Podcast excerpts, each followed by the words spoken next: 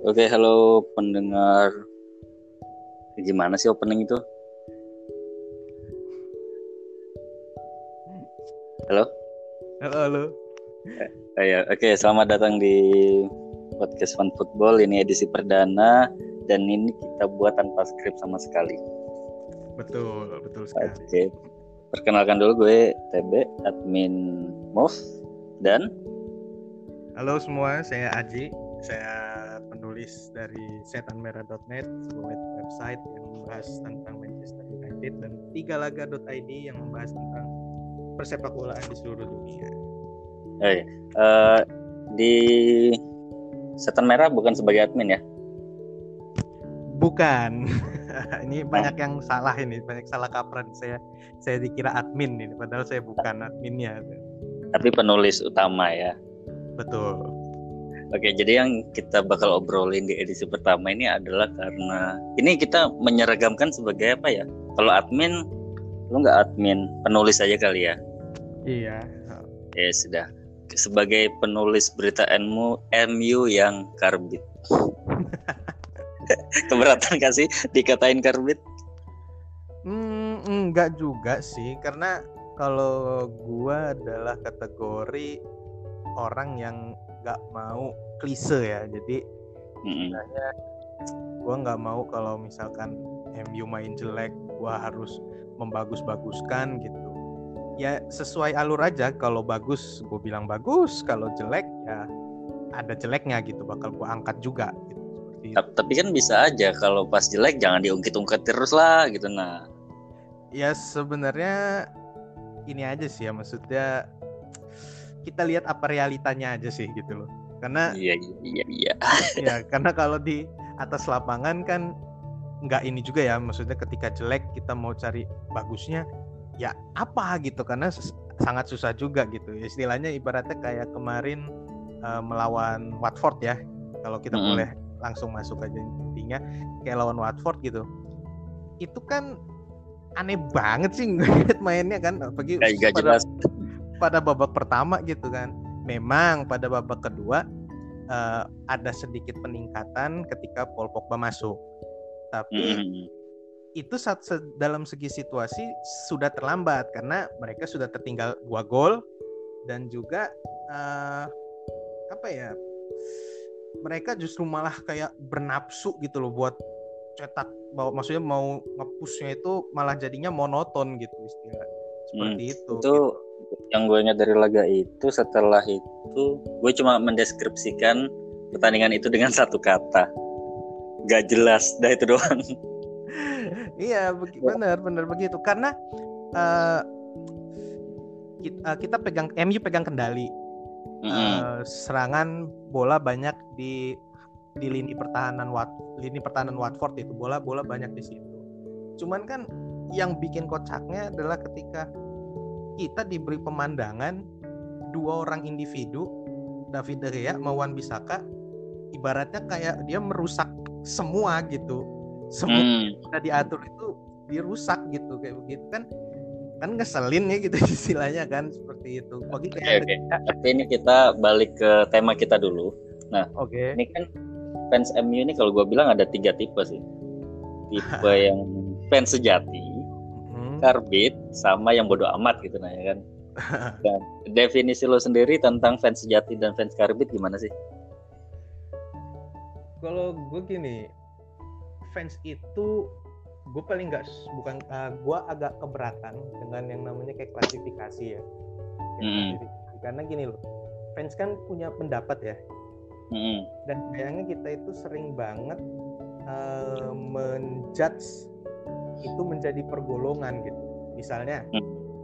ketika ada yang bilang jelek ya balik lagi ke yang gue bilang awal itu kita langsung tuduh kan Yo, karbit nih. Pak Kabit apa segala macam nggak nggak nggak mendukung di saat tim Kalah. kalah misalnya kayak Jangan begitu Jangan ikut rayakan saat menang ya. kan. Iya. makanya seperti itu nah gue sebenarnya agak keberatan karena ya fans punya suara gitu ambil contoh gini deh gue kalau ngelihat patokan fans fans sejati kan misalkan fans yang memang dekat dengan mereka ya, which is uh, Manchester United ya di Manchester lah ya, yang hmm. penduduk lokal sana gitu. Itu gue sering banget kok yang kayak nonton The United Stand, uh, fans fans Unitednya itu yang diwawancara kayak Arsenal fans TV gitu hmm. segala macam. Itu mereka kalau ngeritik tuh lebih kasar loh daripada kritik-kritik fans-fans yang di luar Inggris sana gitu, yang baratnya di Indonesia itu mereka -hmm. kalau udah ini tuh udah yang bener-bener level-level yang wah bener-bener mengerikan gitu istilahnya kayak waktu iya, lawan Newcastle. Cara juga fans karbitnya kali. waktu kayak fans waktu waktu MU kalah lawan Newcastle gitu. Itu Andreas Pereira sama Ashley Young dihuin loh waktu keluar di St yeah. James Park. Kapten itu. Ya. Kapten lo padahal. Nah, apakah mereka itu karbit karbit gitu?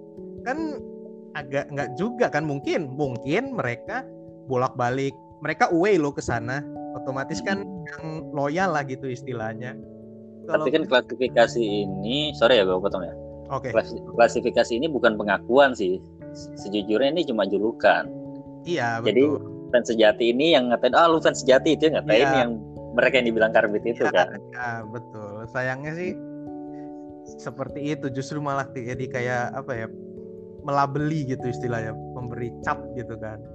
Hmm, tapi perjalanan penulis eh perjalanan menulis lu di setan merah net pernah nggak sih mengalami fase di mana ini gue harus nulisnya yang bagus-bagus aja nih tentang MU pernah nggak?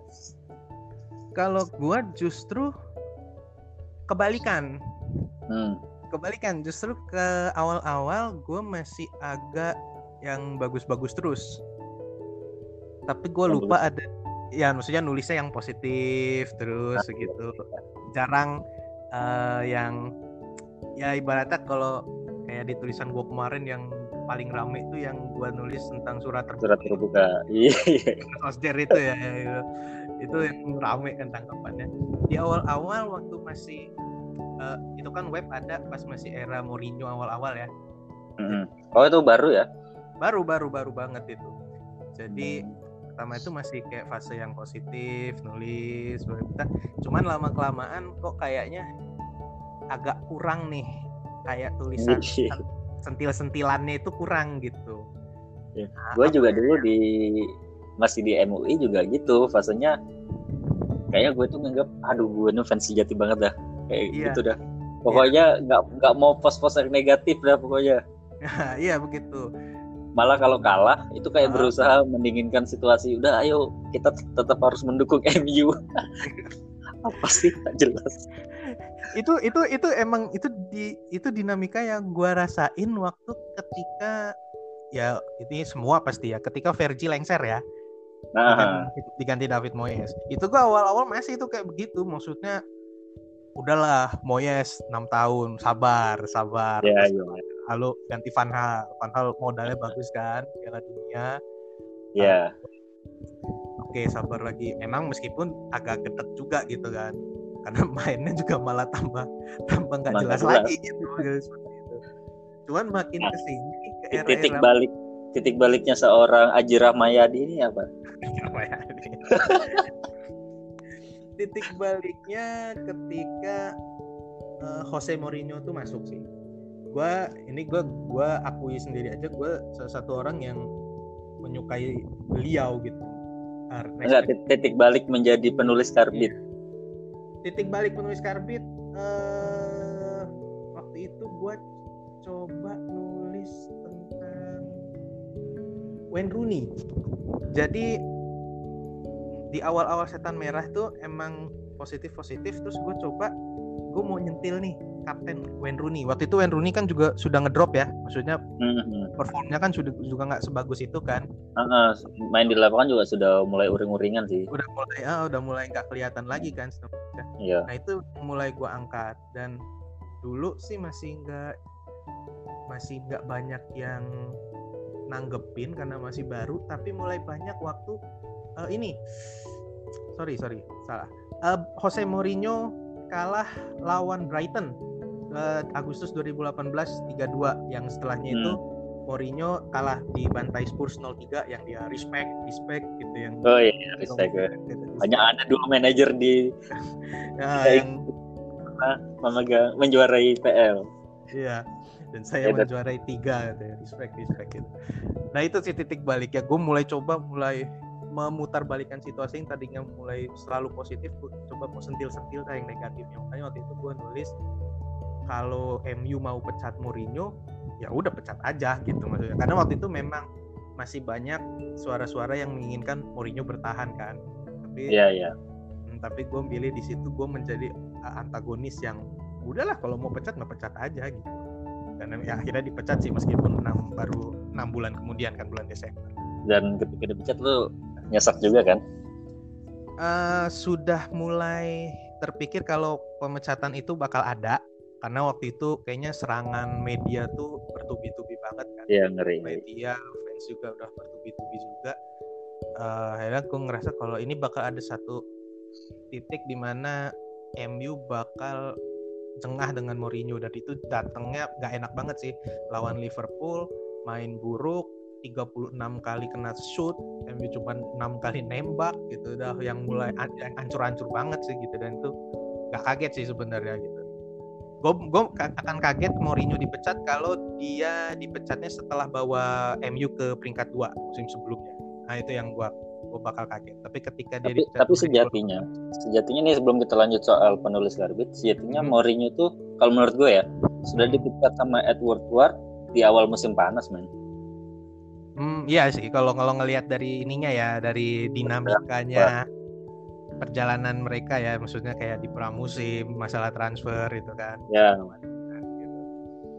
Tapi itu kayak situasional juga nggak sih menurut kalau menurut lu? Karena kalau gue nganggapnya gini, kalau misalkan itu kan gini, ada kendalanya satu kan waktu itu Mourinho terpaksa di pramusim nurunin pemain muda karena mayoritas pemain MU kan ikut Piala Dunia. Iya benar-benar. Nah, Bukan mayoritas sih beberapa. Iya tapi kebanyakan istilah gitu kan. Nah. Dan itu kalau misalkan ada mungkin tiga atau empat nama yang nggak ikut bisa kayaknya ngubah situasi dan mungkin kalaupun dipecat nggak bulan Desember sih gitu meskipun cuman iya. memperpanjang masa ini aja masa nafasnya itu aja sih gitu. Hmm. Tapi memang waktu itu kan Mourinho sudah memang ngerengek minta back kan. Ya. Dan nggak dikasih. Jadi menurut gua dengan tidak dikasihnya back itu sudah oke okay, Mourinho sinyal waktu ya. nih gitu. Uh. Oke, kita balik ke tema. Kalau gua titik baliknya itu ya pas mendirikan move ini. Oh, MUF ini ya ah jadi kayak mikirnya apa ya biar beda ya biar beda betul betul betul betul oh, kayaknya belum ada nih yang ngambil segmen yang apa ya kalau dibilang objektif. Ya. Hmm, belum ada yang ngambil itu ya sudahlah tapi lama-lama gue semakin nikmatin men. Gue kalau MU kalah ya gue hina-hina gue seneng gue happy gitu kan. Yeah. kalau MU menang ya gue happy gue fans MU masa gue nggak happy yeah. kalau kan gitu ya itu yang balik lagi kayak yang obrolan kita di awal-awal tadi kan maksudnya ya hmm. kalau bagus ya kita pasti bakal bakal bilang bagus gitu. So, kalau jelek ya kita nggak mau yang ya yang apa ya yang memaksakan diri untuk bilang bagus gitu. Ya kita bukan seperti itu gitu. Tapi perbedaan di tempat kita kalau di move itu eh, kadar-kadar karbitnya tuh memang lebih tinggi jadi kayak kalau ada fans sejati masuk tuh kayak kayak mereka tuh kayak nggak diterima gitu nah sama lingkungan yeah. move nah kalau di setan merah kan enggak ya ya karena kita mungkin karena formatnya media kali ya jadi hmm. kita harus menjaring orang-orang dengan dua latar belakang itu ya untuk mewarnai itu juga jadi kan ramai yeah. juga tuh kayak gitu ada satu yang ada tulisan temanya agak karbit yang sejati hmm. masuk kalau ada tulisan yang bagus yang sejati eh yang kar yang karbitnya masuk gitu kan ikut-ikut saling nimpalin nah, tapi kalau lo sendiri ngelihat perdebatan-perdebatan dengan mengkotak-kotakan lu karbit lu sejati itu gimana? Fun-fun aja atau muak? Uh, fine-fine aja sih kalau kalau gue. Selagi mereka perang argumentasinya ya masih masuk akal gitu.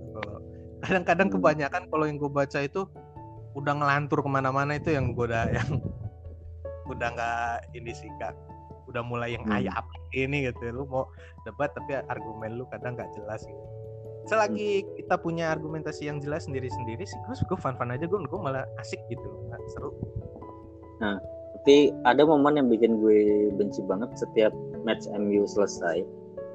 Nah, ketika menang nih, Hmm.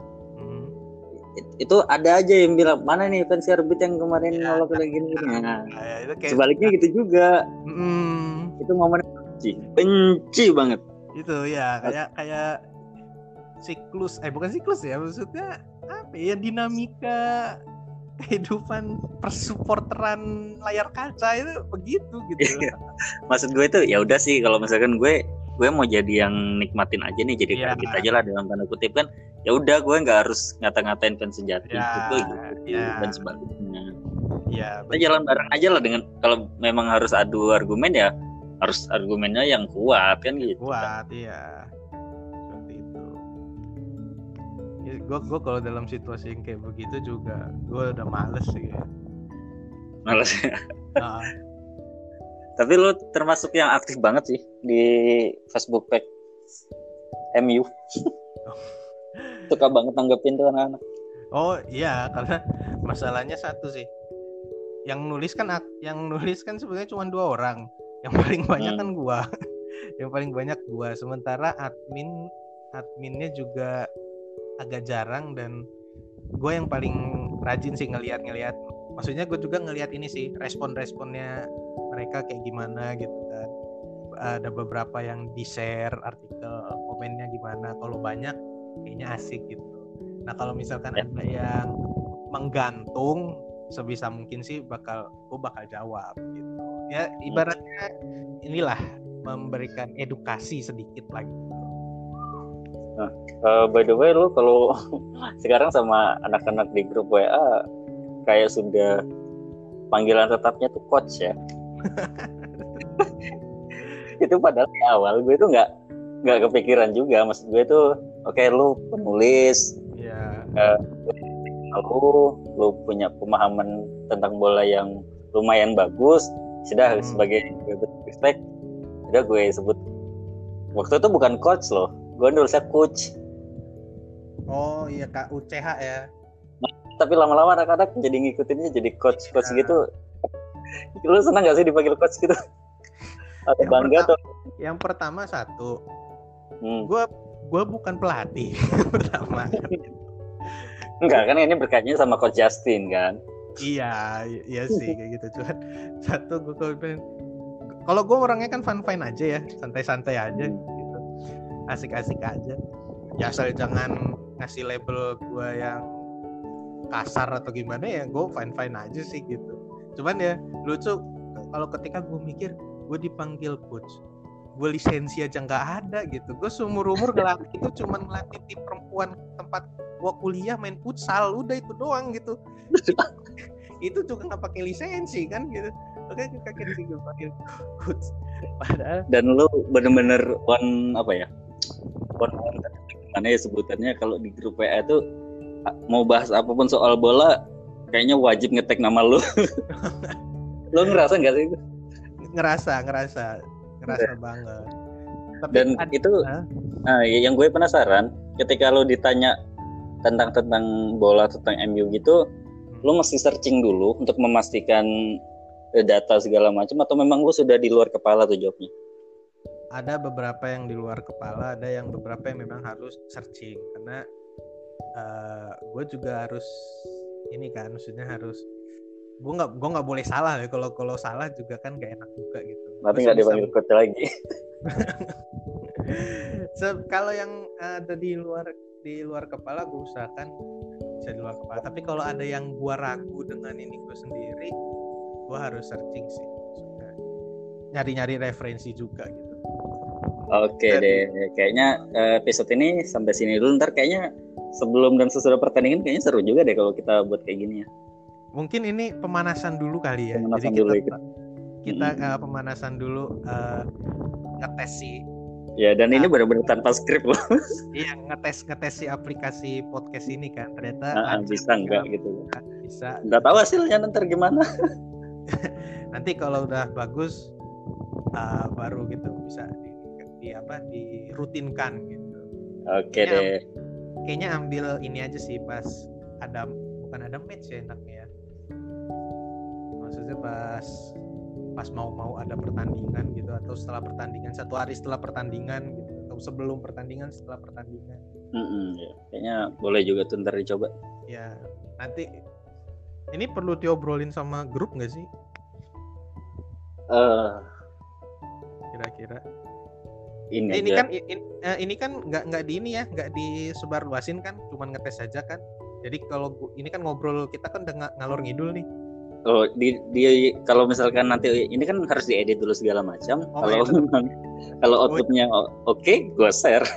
oh oke oke oke kalau bisa dipotong ya dipotong aja yang bagian ini kita ngalor ngidul ini kan. Nggak tahu nih, ini bisa dipotong kak. oke deh. eh, thank you, Coach Aji Ya. Rahmayadi. ya, Ya. Sama-sama sama-sama TB Oke. Bye. oke bye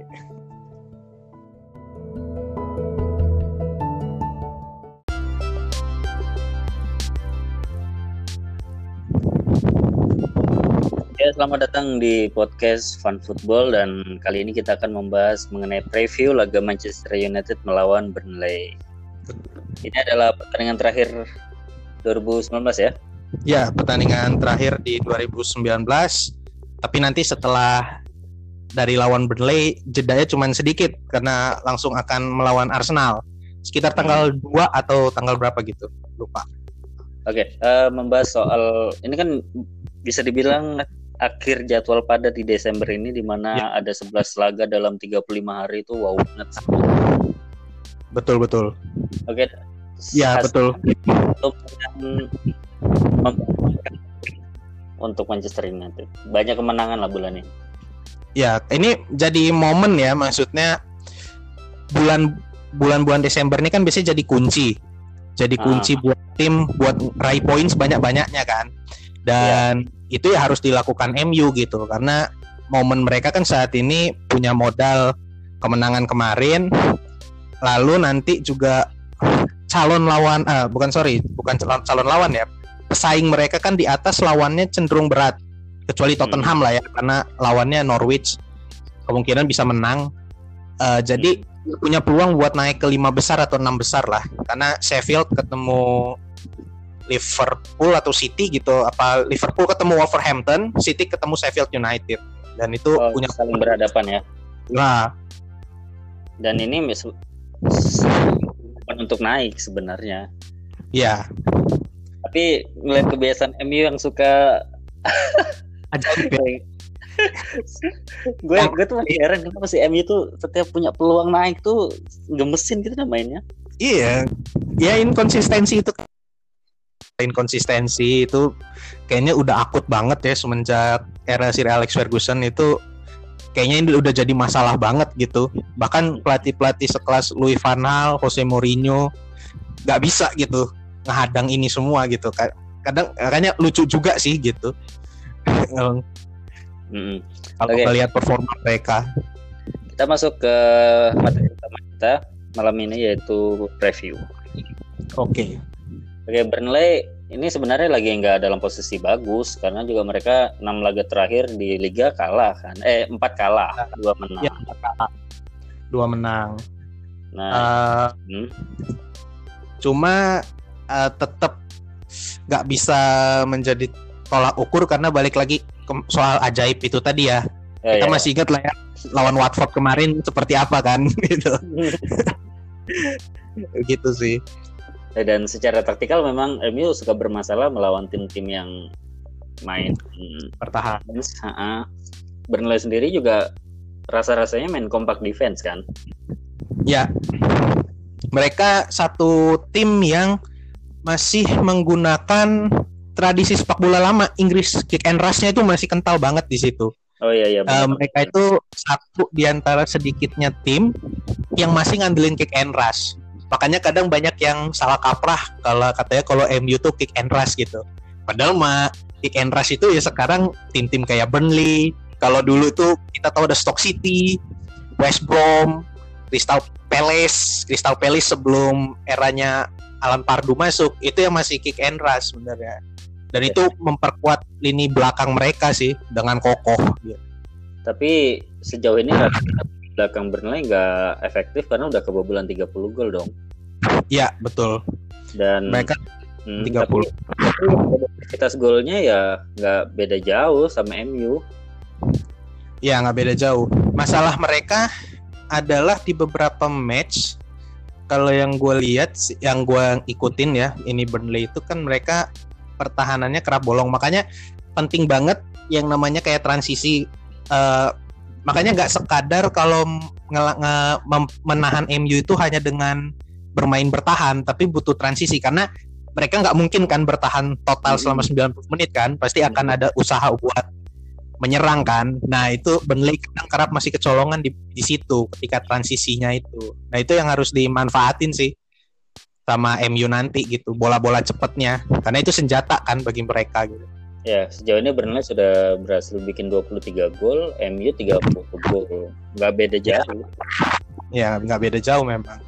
Cuman yang ditakutkan adalah ketika inkonsistensi tadi dan ketika Burnley mem- memakai defense mereka menjadi kekuatan ya. Dalam artian begini mereka tampil bagus di pertandingan nanti gitu. Hmm. Karena Burnley biasanya 4-4-2 flat mirip seperti Everton Ya. dan itu akan ngandelin bola panjang ke pemain-pemain jangkungnya di depan. Kemungkinan yang bakal dipasang Chris Wood dengan Jai Rodriguez. Itu dua pemain yang duel udaranya lumayan bagus untuk ukuran tim papan tengah. Dan Ya. nanti mereka kebanyakan mengincar bola-bola kedua dan bola-bola kedua itu biasanya krusial di situ gitu. Bahkan jaraknya bisa rapat antara tengah dengan lini belakang atau tengah ke depan tuh bisa rapat gitu. Burnley. Dan yang mesti diwaspadai dari Burnley ya dua pemain sih menurut gua. Ashley Hmm. Sama Dwight McNeil. Karena mereka berdua top top asisnya Burnley nih. Ya, top asisnya Burnley. Hmm. Betul. Ya itu tadi bola-bola silang mereka itu karena mereka sayap kan. Ya.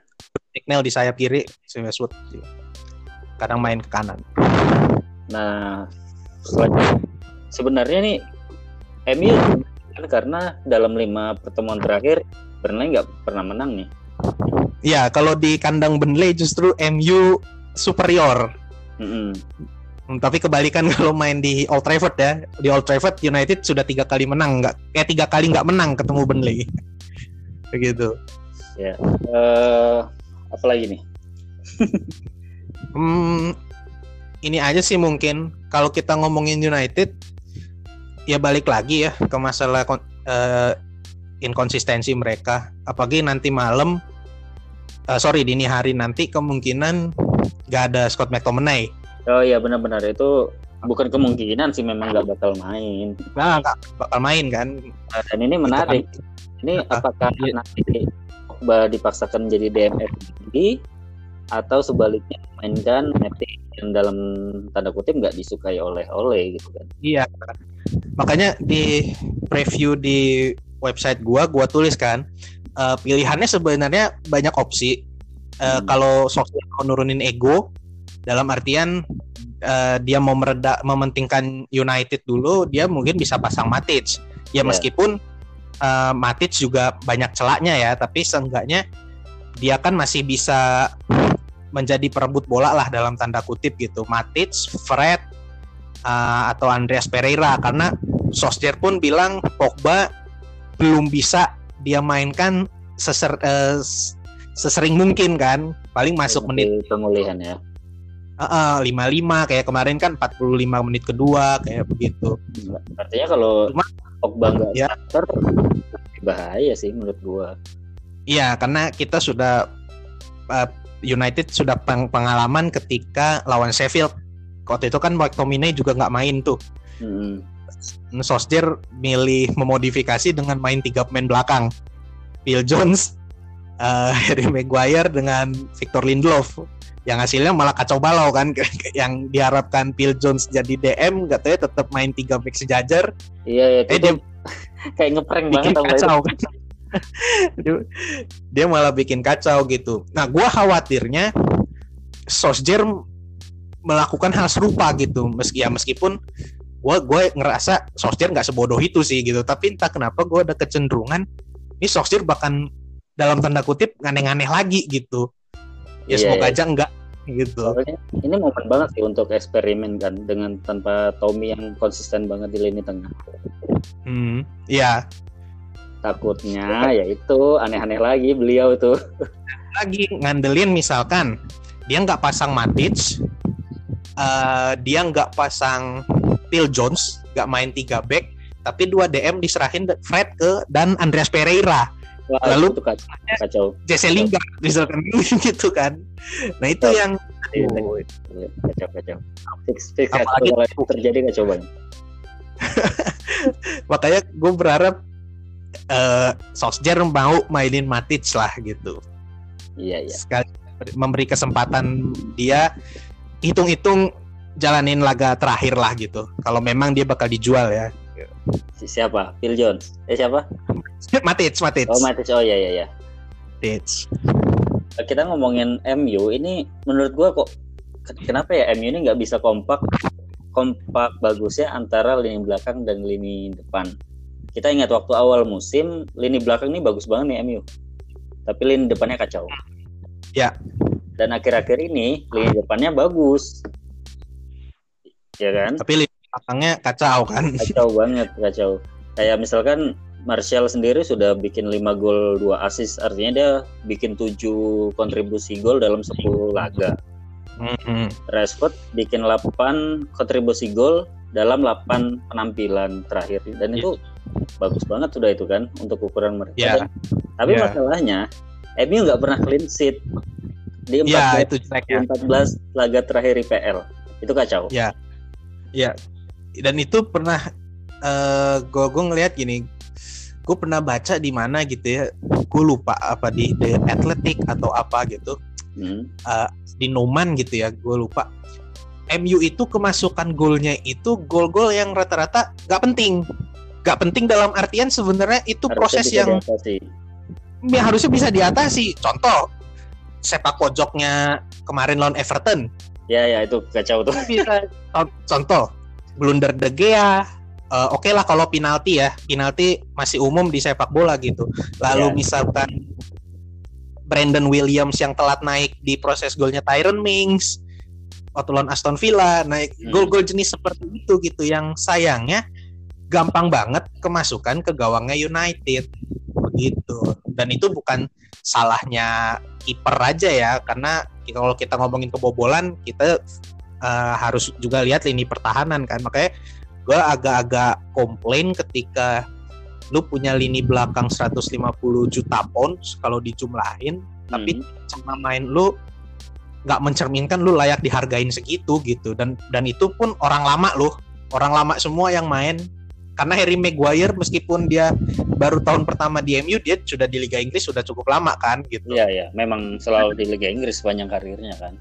kadang-kadang gue mikir balik lagi ke Solskjaer sih. Solskjaer ketika di latihan dia ngedrillnya ngedrill apa gitu. Ngasih menu latihannya seperti apa gitu. Karena karena ini baru ya. Tadi gue baca komentar yang dia bilang saya nggak akan mau Oh, ubah taktik meskipun Itu itu kocak. Kocak banget. meskipun porter meminta untuk ubah taktik kita akan tetap pakai serangan balik yang bisa main bola bola pendek cuman City dia bilang begitu Nah, tapi ada ada panselennya tuh. Panselennya adalah pas lawan siapa kemarin? Lawan Newcastle. Newcastle Newcastle Gimana ceritanya seorang Ole menjadikan laga versus Newcastle sebagai pembanding ya Tuhan. itu patokan itu yang makanya gue bilang ini Itu kocak, kocak banget. gue gue pengen gue pengen si manajer ini sukses tapi kalau lu mengeluarkan statement-statement yang nggak nggak apa ya nggak susah dicerna logika ya ya lu sama kayak kata James Ducker di wartawan Telegraph Solskjaer setipe dua tipe dengan David Moyes gitu banyak omong kosongnya katanya itu kayaknya gue gua kaget sih waktu dia dia ada ngomong gitu. Gue kaget banget sih. Karena dia cuma ngambil satu laga kan lawan Newcastle. Kalau Tapi misalkan dia nggak menjadikan- laga lain. menjadikan laga melawan City sebagai eh, patokan, ya oke lah ya kan. Uh, itu nggak nggak relevan juga karena sebenarnya masalahnya MU itu melawan tim papan bawah, papan tengah, papan bawah. Papan bawah dan punya compact defense yang bagus ya, mm -mm. bagus. Dia nggak sekadar papan bawah kan. Tapi nggak Newcastle juga dong. Nah, itu dia masalahnya. Karena Makanya... di pertemuan pertama MU kalah dan sekarang dibalas dengan kemenangan telak, lalu itu dijadikan sebagai patokan. Aduh. Dan dan itu pun juga karena tiga gol. Ini suka nggak suka ya, gue ngomong ya tiga gol juga kan ada andil dari kesalahan pemain Newcastle kan. Iya iya. Uh, gol Martial karena Dubravkanya tidak menepis bola dengan baik. Lalu mar- gol Mason Greenwood karena Fabian Sar kena press eh Fabian Sar atau Federico Fernandes gitu lupa kena press dua pemain depan MU yang memang punya kemampuan pressing yang bagus, bola salah dan terakhir Shane Longstaff yang back passnya terlalu pelan kan begitu. Memang dari secara permainan United menang telak di situ secara skor ya kalau kata ya, ya. fans live sports menang telak tapi ya kita nggak bisa menafikan juga gitu ada tiga kesalahan itu gitu. Oke berbicara laga nanti pagi ini hmm. agak gimana ya maksud gua MU dalam apa musim ini baru dua yeah. kali menang tandang. Oh iya. Jadi rencananya dua kali menang, seri tiga kali kalah empat kali. Hmm. Dan ini nggak bagus dong ini ini kita bicara IPL loh bukan Liga Indonesia yang kalau main tandang ngawur gitu kan ngawur bisa dibalas di kandang lalu besok kandang ngawur lagi gitu. iya ini MU dan MU baru menang dua kali di laga tandang itu aduh dan itu mayoritas adalah dengan tim-tim yang kalau nggak salah dia di papan tengah ke bawah oh, iya iya karena kalau ngelihat mereka menang tandang hanya di Norwich dan di City hmm. Etihad. Lalu sisanya mereka nggak menang semua kan. Ya itu balik lagi ke lawan itu tadi sih yang memang berhasil dalam tanda kutip menyelesaikan permainan MU membuat kreativitas mereka mati total gitu. Ya, tapi kemarin itu, ada tuh yang statementnya beliau yang bikin ngakak lagi tuh yang kami kalah sekali di Agustus, kalah sekali di September, Oktober, November, oh, iya. Desember. Ya. Itu. Kami tidak pernah kalah dua kali beruntun katanya. Ya ya memang sih gitu. Cuman apa ya lu gue gue merasa gini loh Solskjaer ini seperti melihat kalau hasil imbang itu bukan Bagus. sebuah bukan sebuah masalah gitu bagi beliau gitu. Yang dia beliau hanya melihat kekalahan. Kekalahan lu hilang tiga poin seri lu masih dapat satu poin. Tapi dia nggak melihat kalau seri itu juga berarti hilang dua poin gitu kan. Jarak antara kekalahan dan seri itu kan cuma satu poin. Iya makanya itu aduh, aduh. makanya James Ducker itu agak kecewa di Telegraph kan dia bilang uh, Solskjaer ini mirip-mirip seperti Moyes katanya bilang begitu Oke, okay, oke okay, terakhir Delusi. kita uh, sini pemain pemain kunci dari kedua ini sudah kayak komentator bola tahu. Memang gitu kan? Iya iya.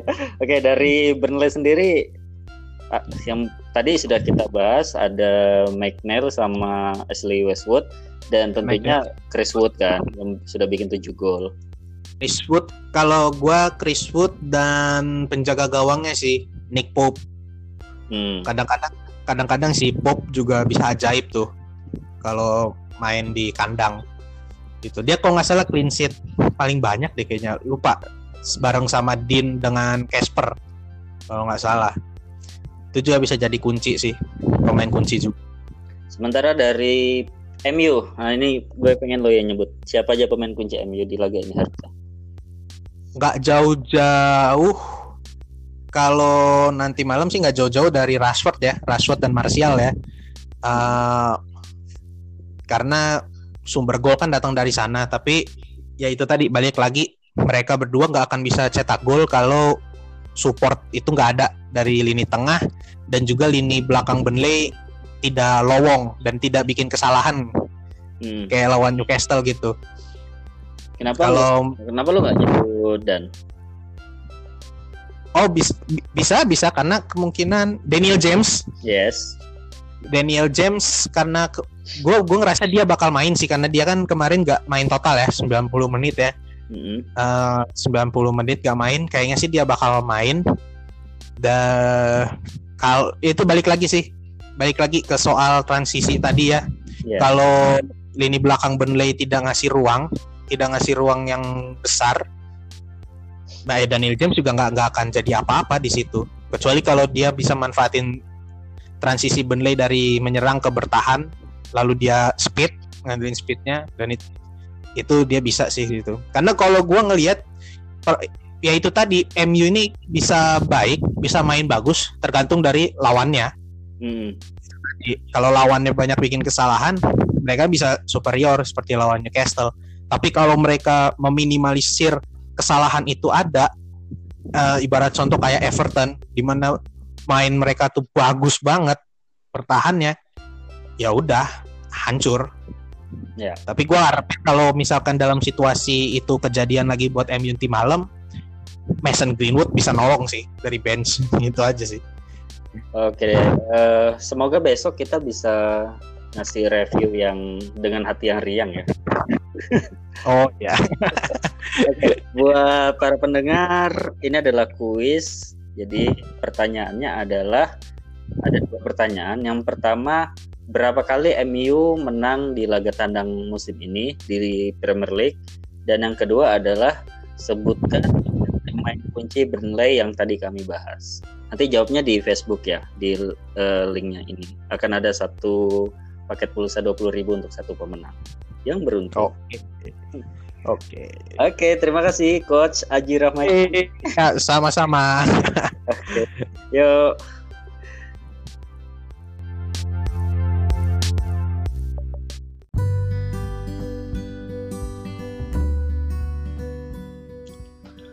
Baik sobat lemah sekalian, kalian sedang mendengarkan podcast Fun Talk Football di mana kami akan ngobrol ngalor ngidul apalagi kalau bukan membicarakan tentang klub kebanggaan orang Madura Manchester United.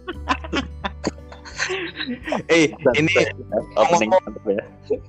ngomong-ngomong keringetan gue nih ngikutin satu dulu nih. Buka endorse aja pak kita. Buka endorse AC. uh, Oke, okay, tapi uh, kita kenalan dulu kali supaya yang dengar juga nggak nggak bingung bedain suara ya. Iya betul. Iya, gue TB nih, ya ingetin ya suara gue yang serak-serak gak jelas ini. Terus dengan siapa gue bicara sekarang? Ya, saya Aji. Eh, kata orang-orang saya mirip Next Carlos ya, cuman jauh sekali itu saya melihatnya di YouTube ya. Rezekinya aja yang jauh kali. ya betul. Oke, okay, uh, eh, malam ini kita bakal banyak bahasan sih. Yang pertama tentang review dulu Burnley versus Manchester United yang dimenangkan oleh MU dengan skor 2-0. Oke. Okay. Oke, okay, secara permainan ada progres bagus apa di laga ini? Hmm, uh, kalau kacamata skor oke okay lah ya. Kita uh, United menang 2-0 ya Mm-hmm. Tapi kalau dari segi segi permainan uh, sebenarnya sama aja sih dengan yang ditampilkan gitu sejauh ini gitu dan lagi-lagi seperti yang gue bilang menghadapi tim-tim seperti Burnley, Newcastle itu mereka itu harus punya yang namanya konsistensi untuk menjalankan taktik mereka. Itulah kesulitan uh, dari tim papan tengah ke bawah ketika mau menghadapi tim papan atas. Mereka nggak punya konsistensi itu dan untungnya uh, itu kembali terjadi ketika ketemu MU semalam. Yeah. Burnley, Burnley taktiknya tetap begitu-begitu aja 4-4-2 uh, bola panjang, hmm. kick and rush, ngandelin fisik. Tapi ya outlet serangannya dia cuma bertumpu sama dua orang. Kalau dalam ketika dia mau melakukan bola panjang ke Chris Wood, Ashley Barnes. Ya kalau dua itu ambiar, udah. ya udah juga ambiar gitu. Nah, Dan lagi-lagi United mampu maksimalin itu gitu.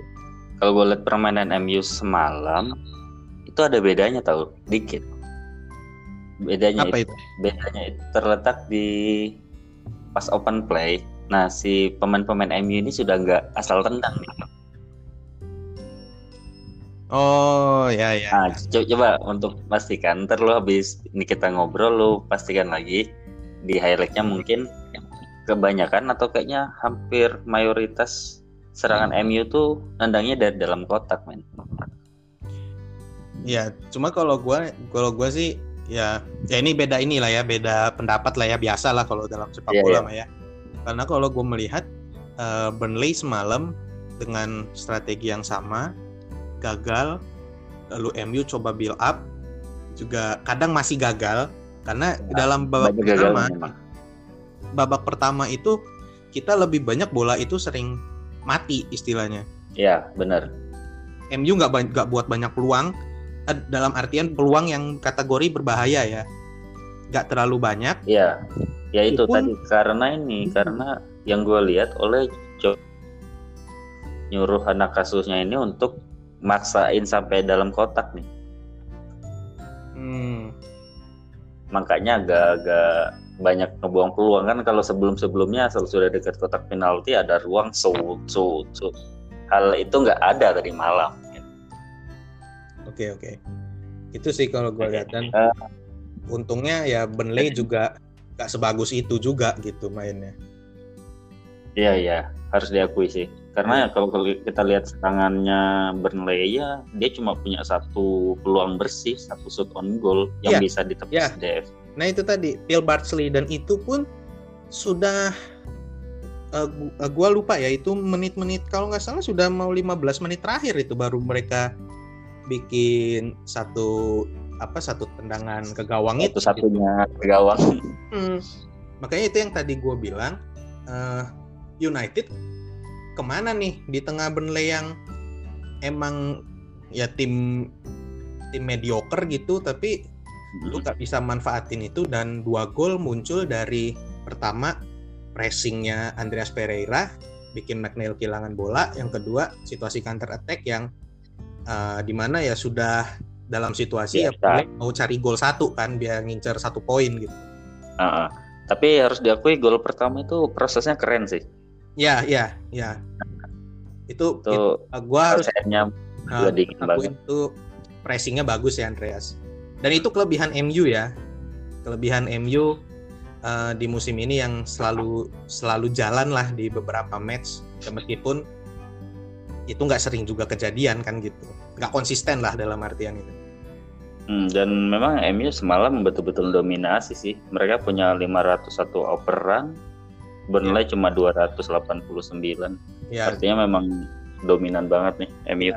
Ya dan itu tadi faktor utamanya ya karena Burnley bola-bola panjang itu tadi gue gue sering banget bilang kan kalau bola ke- ketika lu main long ball uh, itu lu sama aja kayak mempertaruhkan penguasaan bola lu bola bisa tetap di lu lagi tapi bola bisa jatuh ke lawan. Dan itu kebetulan bok- uh, untungnya MU menang terus second ballnya kemarin. Nah itu yang Hmm, yang bisa jadi salah satu faktor juga kenapa eh, banyak eh, serangan-serangannya Burnley yang gagal gitu. Dan ditambah ketika transisi ya MU benar-benar ngerepotin sih Daniel James di artinya lu lu melihat ada perbaikan dari sisi permainan nggak? Hmm, kalau gue pribadi sih belum ya, karena gue harus ngelihat itu Ada, ada tapi dikit. bisa, tapi gue gue gue mending mau langsung ngelihat ini sih, langsung ngelihat yang signifikan banget gitu loh, yang Hmm. bener-bener langsung naik di atas gitu. Karena ini baru dua Hmm. pertandingan ya, Ya ya ya, dua pertandingan menang. maka belum belum bisa jadi tolak ukur sih gitu. Oke dan eh, ini soal Wan Bisaka, dia Ya. tidak dimainkan karena kira-kira karena habis buat kesalahan atau karena disimpan untuk lawan Arsenal.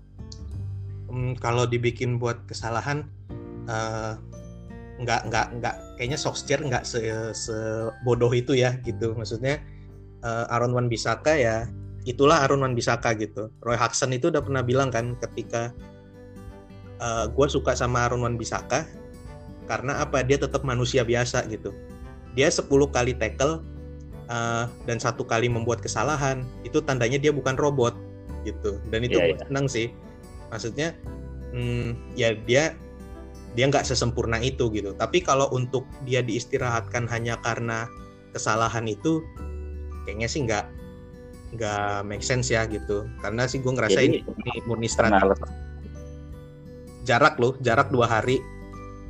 Hmm. dua hari. Berarti murni untuk disiapkan lawan ya, Arsenal. Ya ya karena gue yakin lawan Arsenal dia pasti yang akan dimainkan ya untuk coba nahan Aubameyang kan di situ. Nggak mungkin dia gue lebih marah sama Solskjaer kalau lawan Arsenal dia pakai Asli Yong gitu Tuh, Iya, waktu musim lalu juga kacau banget tuh asli yang pas lawan Arsenal. Iya. Tapi lucu, okay. lucunya hmm. Lyon lawan Burnley ini main bagus. itu yang gue gue makanya kalau ada yang nanya ke gue man of the match-nya kemarin siapa, gue pilih Asli Yong. Kenapa? Eh, berani men. Fisikalnya menang terus dia kontribusi pentingnya apa untuk kemenangan semalam? Di defense sih. Gue ngeliatnya di, di defense-nya aja sih. Karena orang-orang kan banyak kan meng ininya kan ke Brandon Williams ya. Man of the match yeah. MU kan Brandon Williams. Tapi gue orangnya mau ngelihat yang istilahnya yang orang-orang nggak pandang gitu dan Asli Yong juga main bagus sih cuma ya karena man of the match kan cuma satu ya jadi ya hmm gak masalah sih itu tapi kemarin sih gue ngeliat Asli Yong uh, McNeil itu kerepotan banget gitu ngelawan dia gitu dan gue harus kasih apresiasi sih di tengah dia banyak sekali mendapat kata-kata pujian dalam tanda kutip. Dari penggemar-penggemarnya gitu. Gue mengapresiasi sih ya kemarin. Oke kita masuk ke segmen selanjutnya. Kita sekarang menjawab pertanyaan-pertanyaan member move. Tadi udah sempat baca sekilas ya pertanyaannya ya. Sudah, sudah. Oke, yang pertama dari Firman Alkarni. Pandangan kondisi tim secara keseluruhan sekarang gimana? Nah, masalahnya kondisi tim secara apa dulu nih? Itu sih yang yang gue pengen tahu. Karena gini, kalau misalkan dari segi teknis mm-hmm. yang masih butuh perbaikan. Kita udah tahu butuh lah, ya. atau butuh banget. Ya banyak banget malah kan kita kita sudah tahu lah itulah dari yang katanya kurang pemain kreatif lah, kurang uh, back back tambahan back yang mumpuni lah, lalu striker lah, apa segala macam, gelandang bertahan lah gitu kan. Itu ya butuh halan lah. Ah? Butuh halan. Oh, ya halan lovers, halo. yang kemarin sudah puji-puji Halan, eh nggak taunya komentarnya hipokrit. gua nggak butuh Halan sudah ada Greenwood. Ya. Kocak kan? Ya sih itu kalau dari kalau dari segi teknis. Tapi hmm. kita kalau berbicara non teknis, kondisi tim memang sudah lebih baik. Non teknis kalau gue lihat sih kayak misalkan pendekatan antar pelatih, antar manajer, manajer ke pemain, ya seenggaknya hmm. lebih bagus lah ya daripada Jose Mourinho gitu gue harus akuin itu Lagian untuk mengukur tingkat kebahagiaan pemain MU itu gampang men oh dari apa nih dari Martial oh. kalau kalau Martial gak kalau dia lagi happy ya gitu hmm. tapi kemarin sempat anu nggak sempat baca statementnya bininya Martial nggak kalau yeah. pas di jam iya. Mourinho yeah. yeah Martial banyak murung diri karena nggak dapat jatah main yang cukup segala macam. Tapi kalau gue hmm. kalau gue omongan istri-istri wax itu nggak pernah mau gue percaya sih gitu. Lu iya iya. Lu lu pemain profesional, lu harusnya ya uh, menempatkan diri lu gitu loh. Dan lu nggak bisa milih. Maksudnya gini ketika pelatihnya si A atau si B ya masa sih kita mau berontak gitu Mm-hmm. Untungnya apa? Oke. Okay. Hmm. Lanjut ke pertanyaan kedua dari Hanggara Yuda. Ini tentang The Another Ashley Young nih. Oke. Okay. Siapa kira-kira yang kok situasionalnya sama kayak Ashley Young siapa nih di mata fans? Maksudnya situasi apa nih? Yang fans itu ngelihat dia tuh ah sama dah ini kayak Ashley Young dah. Oh, siapa kira-kira? Oh, itulah kandidat peraih Ballon d'Or lima kali berturut-turut bukan? Siapa? Uh, Jesse Lingard. Ah salah. Siapa nih? Bukan. Pereira, Pereira. Oh, si tampan. Iya. Yeah, yeah. Iya.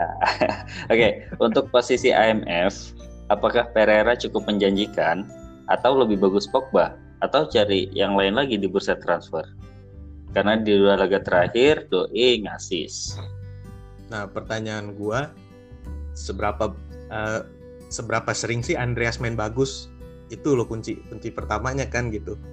Mm -hmm. uh, dua laga dia dua dia ngasih dua assist oke okay, tapi kalau itu hanya kalau hanya itu patokannya ya gua nggak terlalu setuju karena balik lagi ketika dia dimainkan sebagai gelandang serang dan ketika menghadapi lawan yang di atas ini kan dia asis Newcastle Burnley kan iya dua tim yang bisa dibilang ya bisa dibilang kualitasnya ya so-so gitu kan biasa aja tapi hmm ketika melawan tim-tim yang misalkan memiliki taktik permainan yang jauh lebih bagus, dia nggak bisa apain hilang. Sheffield United dia hilang loh, belas.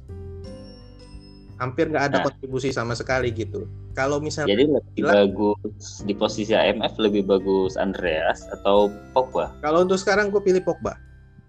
Sayangnya Pogba belum dimainkan di posisi Sayangnya itu. Pogba belum dimainkan di posisi itu dan gue memaklumi sih uh, ininya Sosjer ya karena kan dia bilang uh, eh, gue masih nggak bisa nih ngasih main Pogba tiap pertandingan gitu kan karena cedera juga ya kan. Juga. Faktor utama juga karena sebelumnya juga Pogba pas main lebih banyak di GMF kan. Ya itu juga salah satu faktor faktor yang utama karena musim ini Sosjer bikin Pogba main di dalam kan agak sedikit hmm. Tapi gue kalau dari situasi sekarang terlalu berani kalau Solskjaer mau mengutak-ngutik Fred atau Scott ya. Jadi yeah. kayaknya kemungkinan dia bakal main lagi di AMF. Kalau untuk sekarang gue akan pilih Pogba. Cuma karena situasinya memang tidak mendukung, ya oke kita ya kita harus ini menikmatilah kehadiran Andreas. Doanya ya hanya dia konsisten lah gitu atau cari yang lain di bursa transfer? Cari di bursa transfer bisa. Tapi ya kalau untuk bulan Januari ya siapa sih yang pemain bagus yang bisa mau pindah gitu di tengah-tengah yeah, musim? yeah. itu juga agak tantangannya kan. Oke selanjutnya dari Fajar Muhammad. Saya mau tanya nih apakah permainan MU semalam bisa dijadikan pandangan bahwa permainan MU sudah di jalan konsisten? Belum. Belum karena benar gue mau jawab karena patokan MU bermain bagus adalah lawan Newcastle. Iya, masa kan ini ini Manchester United. Lu meskipun situasi klub dalam 6 atau 7 musim terakhir bisa dibilang underperform, tapi ya mm -hmm. lu nggak bisa menurunkan kualitas lu dong gitu. Lu 20 liga Inggris 20 times dinyanyiin terus masa iya lu patokannya hanya dari laga Newcastle atau Burnley kan gitu? Enggak, tapi ini konteksnya udah beda men. Konteksnya ini kan kita sudah kita, kita sadar nggak lu? Kita sudah berada di era di mana kita begitu mengharapkan empat besar. Iya iya. Gue ngerti. Cuman kan itu artinya kan... uh, kebanyakan fans MU ini sudah realistis nih sama tim sekarang. Oke. Okay. okay Oke. Jadi bisa dipahami sampai ini bisa dipahami ya? Bisa.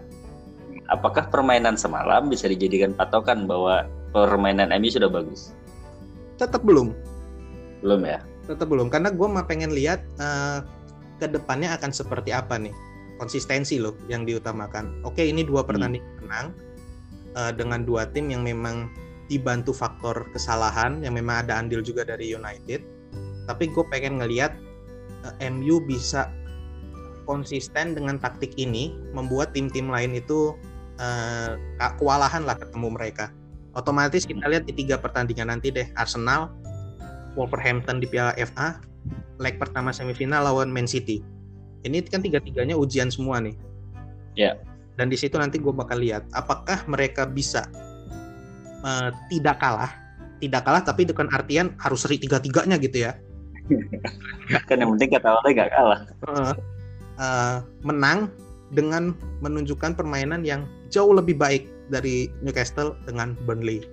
Itu aja sih. Oke, selanjutnya dari Tommy. Apakah Matic berperan besar dalam clean sheet MU semalam? Oke, uh, sebelum itu gue mau sedikit refresh bahwa memang kita 14 laga liga udah nggak clean sheet ya kan? Ya nggak clean sheet. Ha.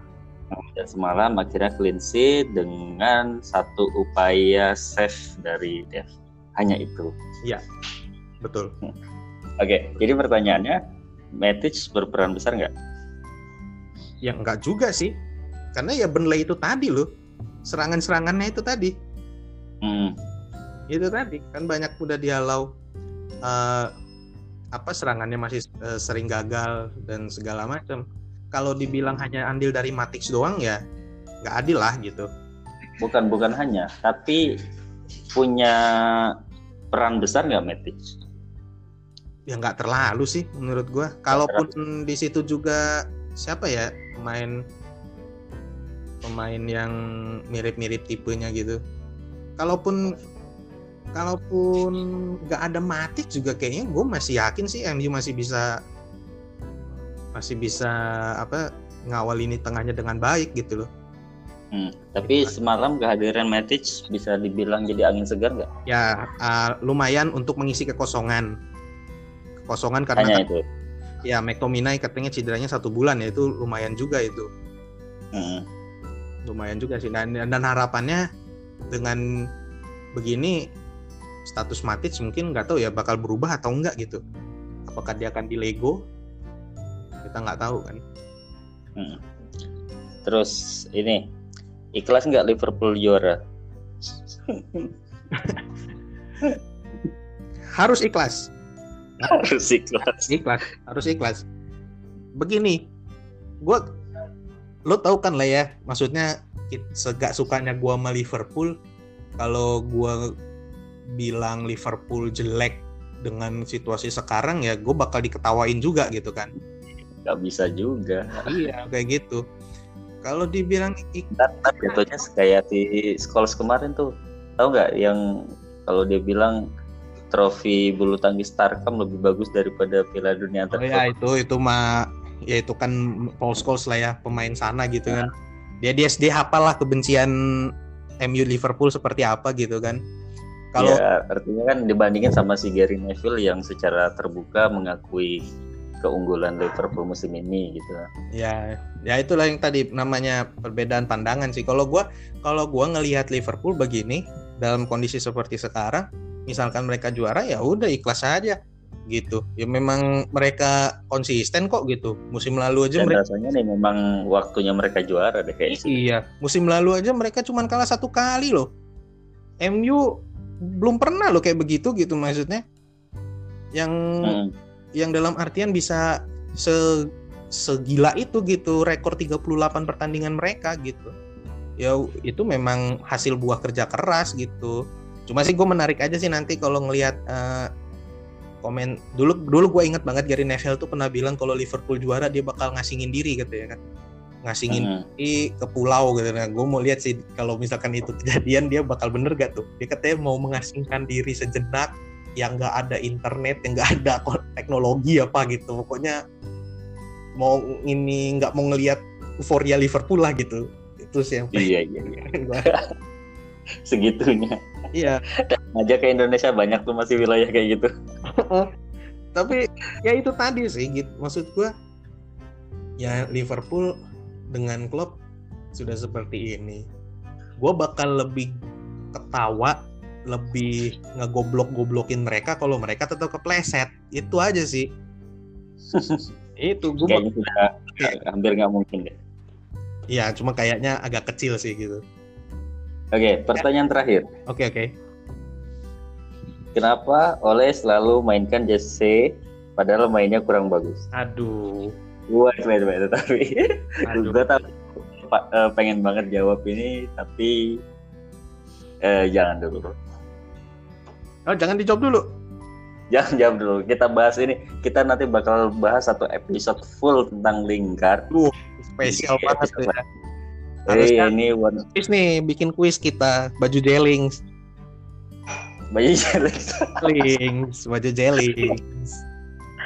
Oke, eh, jadi review kita malam ini ini kayaknya bakal terbitnya besok sih. Gue ngeser pas sudah di podcast aja di Spotify aja deh. Oke oke, nggak masalah. Oke, jadi oke, jadi thank you Coach Aji Ramayadi. Oke oke nih sebelumnya gue mau memberikan pesan dulu ya. Oh ya siap siap ya siap. pesan untuk fans MU yang uh, gue sebenarnya udah tahu sih uh, yang pertanyaan ikhlas soal Liverpool gitu ya nikmatin aja yang masih main bully-bulian main Ya, kata-kataan gitu. Ya kita sadar diri aja lah. Kita dulu sebelum itu kan berada di posisi yang sama gitu kan. Iya. Sayangnya dulu pas Jaya internet belum segera Internet belum sekarang. makanya kita kan dulu modalnya cuma baca koran aja dulu. Iya. Eh, nyerang juga harus ke ke sekolah dulu kan gitu. Sekarang kan dari WA aja bisa. Itu aja sih gue nikmatin aja gitu. Nggak nggak usah nggak usah apa ya nggak usah yang ih sungut-sungut gitu nggak usah.